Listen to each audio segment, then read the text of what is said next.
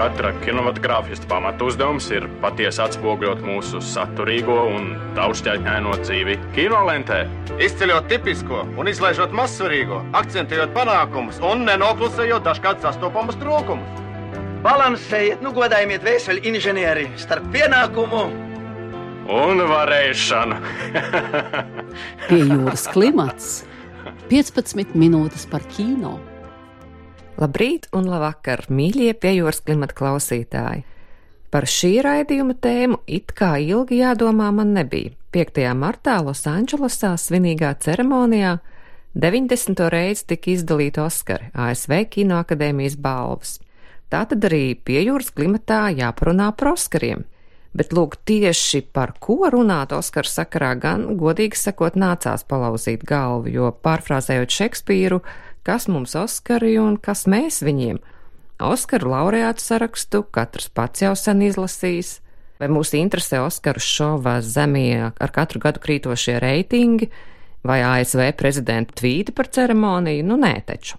Rau, piemēram, Krievijas kino autoritātes, nu tās, kurām es sekoju Facebookā vai Twitterī, Andrejs Plahovs un Antons Doļins, savus Oskaru apskatus sāk ar to, kas viņiem Oskaru sakarā aktuālākais proti pārdomām par to, kāpēc balva par labāko ārzemju filmu netika Andrejs Zjaginsev nemīlestībai, bet gan čīliešu transpersonas melodrāmai Fantastiskā sieviete. Antons Doļins, kurš raksta medūzai, secina, ka šī ir tēma, kas Krievijas auditorijai, un es pieļauju arī mums, liekas margināla, bet amerikāņu publikai lūk, nebūtu tāda tā nešķiet. Tieši tāpat ir ar visu pārējo. Oskaru šovs, joki, pateicības runa topiki un statementi, pat balvu sadalījums ir neatdalāms no konteksta, un ne tikai no kino mākslas, bet arī politiskiem un sociāliem notikumiem valstī. Vai tas ir labi vai slikti, nespriedīšu, bet Oskaru šovs nav iedomājams bez atsaucēm uz Amerikas un Holivudas aktualitātēm un karstajām tēmām, kuras savukārt mums Latvijā nevienmēr ir nolasāmas. Šī gada ceremonijas, ja tā var teikt, centrālā tematiskā asa bija Harvija Vainsteina skandāls un tam sekojošās sieviešu solidaritātes kustība, kas ar saukļiem Me Too un Time is Up vērsās pret sieviešu nelīdztiesību, pazemošanu un pakļaušanu seksuāliem uzbrukumiem Holivudas darba tirgū. Šo tēmu ceremonijas vadītājs Džimijs Kimels iezīmēja jau uzreiz savā ievadrunā ar melnu un cinisku humoriņu, kas, protams, arī ir tradicionāla šova sastāvdaļa. This is a big one. These are the 90th Academy Awards. This is history happening right here. Šis ir īpašs gads, akadēmijas 90. balvu pasniegšanas gads. Te šobrīd dzimst vēsture. Mūsu draugs Oskars šovakar kļūs 90 gadus vecs, kas nozīmē, ka viņš droši vien ir mājās un skatās ziņas. Nē, nē, nē, viņš ir ar mums šovakar. Oskars ir visvairāk cienītākais un mīlētākais vīrietis Holivudā. And respected man in Hollywood. And there's a very good reason why. Just look at him. Keeps his hands where you can see them. Un tam ir iemesli. Jūs tikai paskatieties uz viņu. Mēs labi varam redzēt, kur viņš tur savas rokas. Viņš nelieto rupjus izteicienus, un galvenais - viņam nav peņa. Vārda tiešā nozīmē paraugs, un tieši tāds vīrietis mums Holivudā šobrīd ir vajadzīgs. Nu, un tālāk sekoja visādi lokāli jociņi par Melu Gibsonu, to pašu Vainsteinu, par to, ka tikai 11% filmu Amerikā režisē sievietes un ka tikai šajā ceremonijā 90. pēc kārtas pirmo reizi kā labākā operātora ir nominēta sieviete. Jā, jā, es jau dzirdu nopūtas un saprotu, ka Latvijā daudziem šīs sieviešu līdztiesības tēma šķiet tikpat tālu un margināli kā transpersonu problēmas Krievijas kinokritiķiem bet piedodiet, vēl no tās nesanāks atvadīties, jo pirms pārējiem pie tīrās mākslas gribu vēl ļaut jums paklausīties Oskara par labāko sieviešu lomu laureātes Francisas Makdormandas pateicības runu. Pateicības runas, kā jūs zinat, arī ir vesels Oskaru šova apakšžanrs, un Makdormandas runa nenoliedzami bija spošs šī žanra paraugs. Šovs šovā un savā ziņā ceremonijas enerģētiskais centrs. Frances McDormand, three billboards outside Ebbing, Missouri.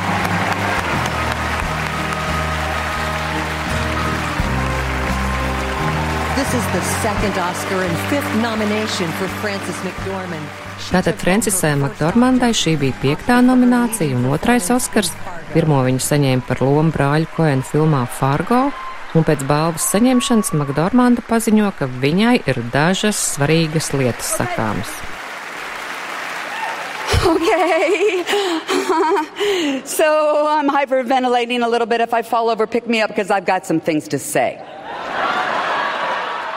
Viņa pateicās filmas režisoram Martinam Makdonam, viņa pateicās visiem šajā ēkā un savai māsai, skaisti pateicās savam dzīvesbiedram Džoelam Koenam un dēlam Pedro, sakot, ka abas šīs spēcīgās personības, kuras ir uzaudzinājušas viņu feministiskās mammas, prot cienīt sevi un līdz ar to arī citus, ka viņu priecē tas, kā abi ģimenes vīrieši spēj lepoties ar viņas panākumiem.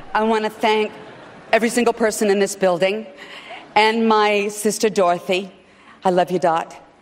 And I especially want to thank my clan Joel and Pedro Mick Cohen. These two stalwart individuals were well raised by their feminist mothers. They, they value themselves, each other, and those around them. I know you are proud of me, and that fills me with everlasting joy. And now I want to get some perspective. If I may be so honored to have all the female nominees in every category stand with me in this room tonight, the actors, Meryl, if you do it, everybody else will. Come on. Un tālāk sekoja runas kulminācija. Makdormanda noliek savu Oskaru zemē un saka, Es justos ļoti pagodināta, ja tagad visas šogad Oskaram nominētās sievietes, kas ir šajā zālē, pieceltos kājās. Un ovācijām skanot, kājās viena pēc otras cēlās zvaigznes. Merila Strīpa kā pirmā, Oskaram nominētā režisora Grēta Gerviga, pirmā Oskara vēsturē nominētā operātora Reičela Morisona, aktrises, komponistes, mākslinieces. Mums visām ir stāsti, ko stāstīt, un nevajag par tiem papļāpāt ballītē. Uzaiciniet mūs rīt uz ofisu, un tur apspriedīsimies, teica Makdormanda. Ladies and gentlemen, inclusion rider. Un savu pateicības runu Makdormanda beidz ar diviem svarīgiem vārdiem - inclusion rider un vētrainiem aplausiem. Ko īsti nozīmē Oskara publiku sajūsminājušais Inclusion Rider? Jūs jau saprotat, latviešu valodā tāda jēdziena nav. Ļoti aptuveni to varētu tulkot kā iekļaujošais līguma apakšpunkts un ar Inclusion Rider piesaukšanu Makdormanda mudināja filmu grupas cilvēkus, īpaši vadošos un zvaigznes, izmantot savas tiesības un līgumos pieprasīt, lai filmēšanas grupas tiktu veidotas uz līdztiesības principiem, lai tajās tiktu iekļauti abu dzimumu, dažādu rasu tautību, dažādu reliģisko, politisko uzskatu pārstāvji. Nu jā, kas mums Latvijā Inclusion Rider un kas mēs viņam? Mums pavisam citas problēmas jārisina - finansējums un tā bet nevelti viens no šī gada Oskara kopsaucējiem ir tāds, ka tajā ļoti cienījumā un augstu profesionālā un mākslinieckā veidā triumfēja atšķirīgie, izraidītie un marginālie. Droši vien jau nevajadzētu atkārtoties un pieminēt uzvarētāju filmu Ūdens formu un Giljermo del Toro, kurš saņēma Oskaru kā labākais režisors.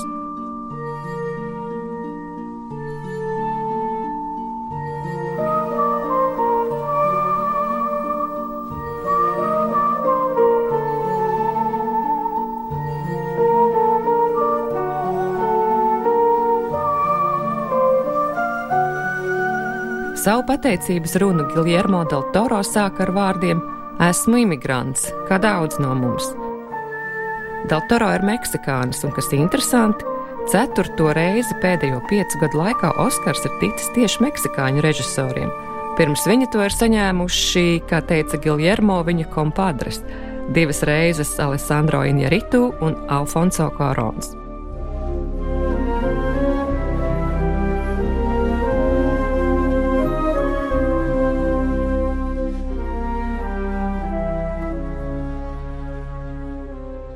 Bet par filmu Ūdens formu jau gan es, gan Sonora vairāk kārt esam pie jūras klimatā runājušas. Es tikai vēlreiz atkārtošu, nē, nav ūdens forma tikai skaista holivudiska pastaciņa. Tur ir daudz dziļākas zemūdens traumas jūtams, Tā ir vizuāli valdzinoša, stilistiski noslīpēta un kino klasikas citātiem rotāta augstā dziesma tiem pašiem izraidītajiem, margināļiem, minoritātēm, ārpusniekiem un atšķirīgajiem.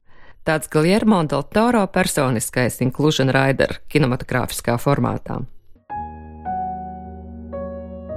Pie jūras klimats 15 minūtes par kino.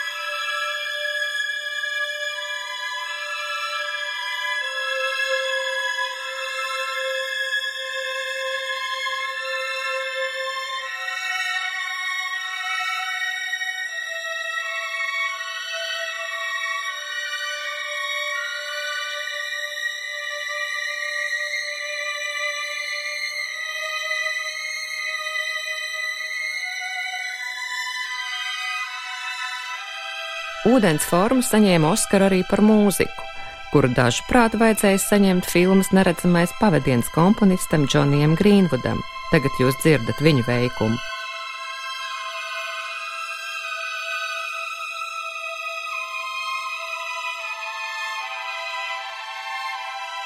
Tā kā šī Pola Tomasa Andersona lente šobrīd ir skatām Rīgas kinoteātros, pateikšu par to dažus vārdus. Filmai neredzamais pavadiens bija sešas Oskara nominācijas, tā saņēma vienu par labākajiem kostīmiem un pelnīt. Nu, savādāk nemaz nevarētu būt, ja filmas stāsts ir par elitāru un izsmalcinātu modes mākslinieku. Mūzika filmā ir brīnišķīga, bet, manuprāt, ja tā skan 90 minūtes no divām stundām, tas tomēr, piedodiet, ir par daudz. Paliek mazāk vietas, kur izpausties aktieriem un režijai runā, ka egocentriskais 50. gadu Londonas modes guru Reinolds Woodkoks būšot Daniela de Luisa pēdējā loma, kā viņš vairs nefilmēšoties. Ja tā ir taisnība, tad tiešām būs žēl. Žēl gan, ja Dēluis pametīs ekrānu, gan žēl, ja viņa atvada loma un filma būs šī, manuprāt, tomēr nelīdz galām dramaturģiski nostrādātā un nepārāk pārliecinošā attiecība drāma. Bet ejiet, vērtējiet, tomēr termins Oskaru filma ir sava veida zīmols. Par tādu mums šeit Latvijā pamazām sāk kļūt simtgadas filma. Izrādās, ka Latvijas skatītājs ir noilgojies pēc Latvijas kino. Otro nedēļu veiksmīgi uz ekrāniem filma Paradīze 89. Stāsts, pēc kura noskatīšanās varēsiet vai no atsaukt atmiņā mūsu valsts neatkarības atgūšanas laika sajūtas, vai pārunāt tās ar saviem bērniem, kuriem filma iespējams kļūs par pirmo vizuālo un emocionālo tā laika liecību. Un pavisam drīz, 22. martā, pirmizrāda mūsu dokumentālā kino klasiķa Ivara Salecklentē turpinājums. Visu, ko savā dzīvē esmu filmējis, bet bērnus filmēju pirmo reizi, tā saka cienījamais režisors. Nu skaisti, ka mūsu dzīvē kaut kas ar vienu notiek pirmo reizi. Un tāds pirmreizīgums piemīt arī katrai satikšanās reizē ar jaunu filmu, tāpēc iesim uz kino, jo pie jūras klimats šodien izskan. To gatavoja Kristīna Žēlve, producēja Agnese Zeltiņa un Inga Saksona par atbalstu paldies Kultūra Kapitāla fondam.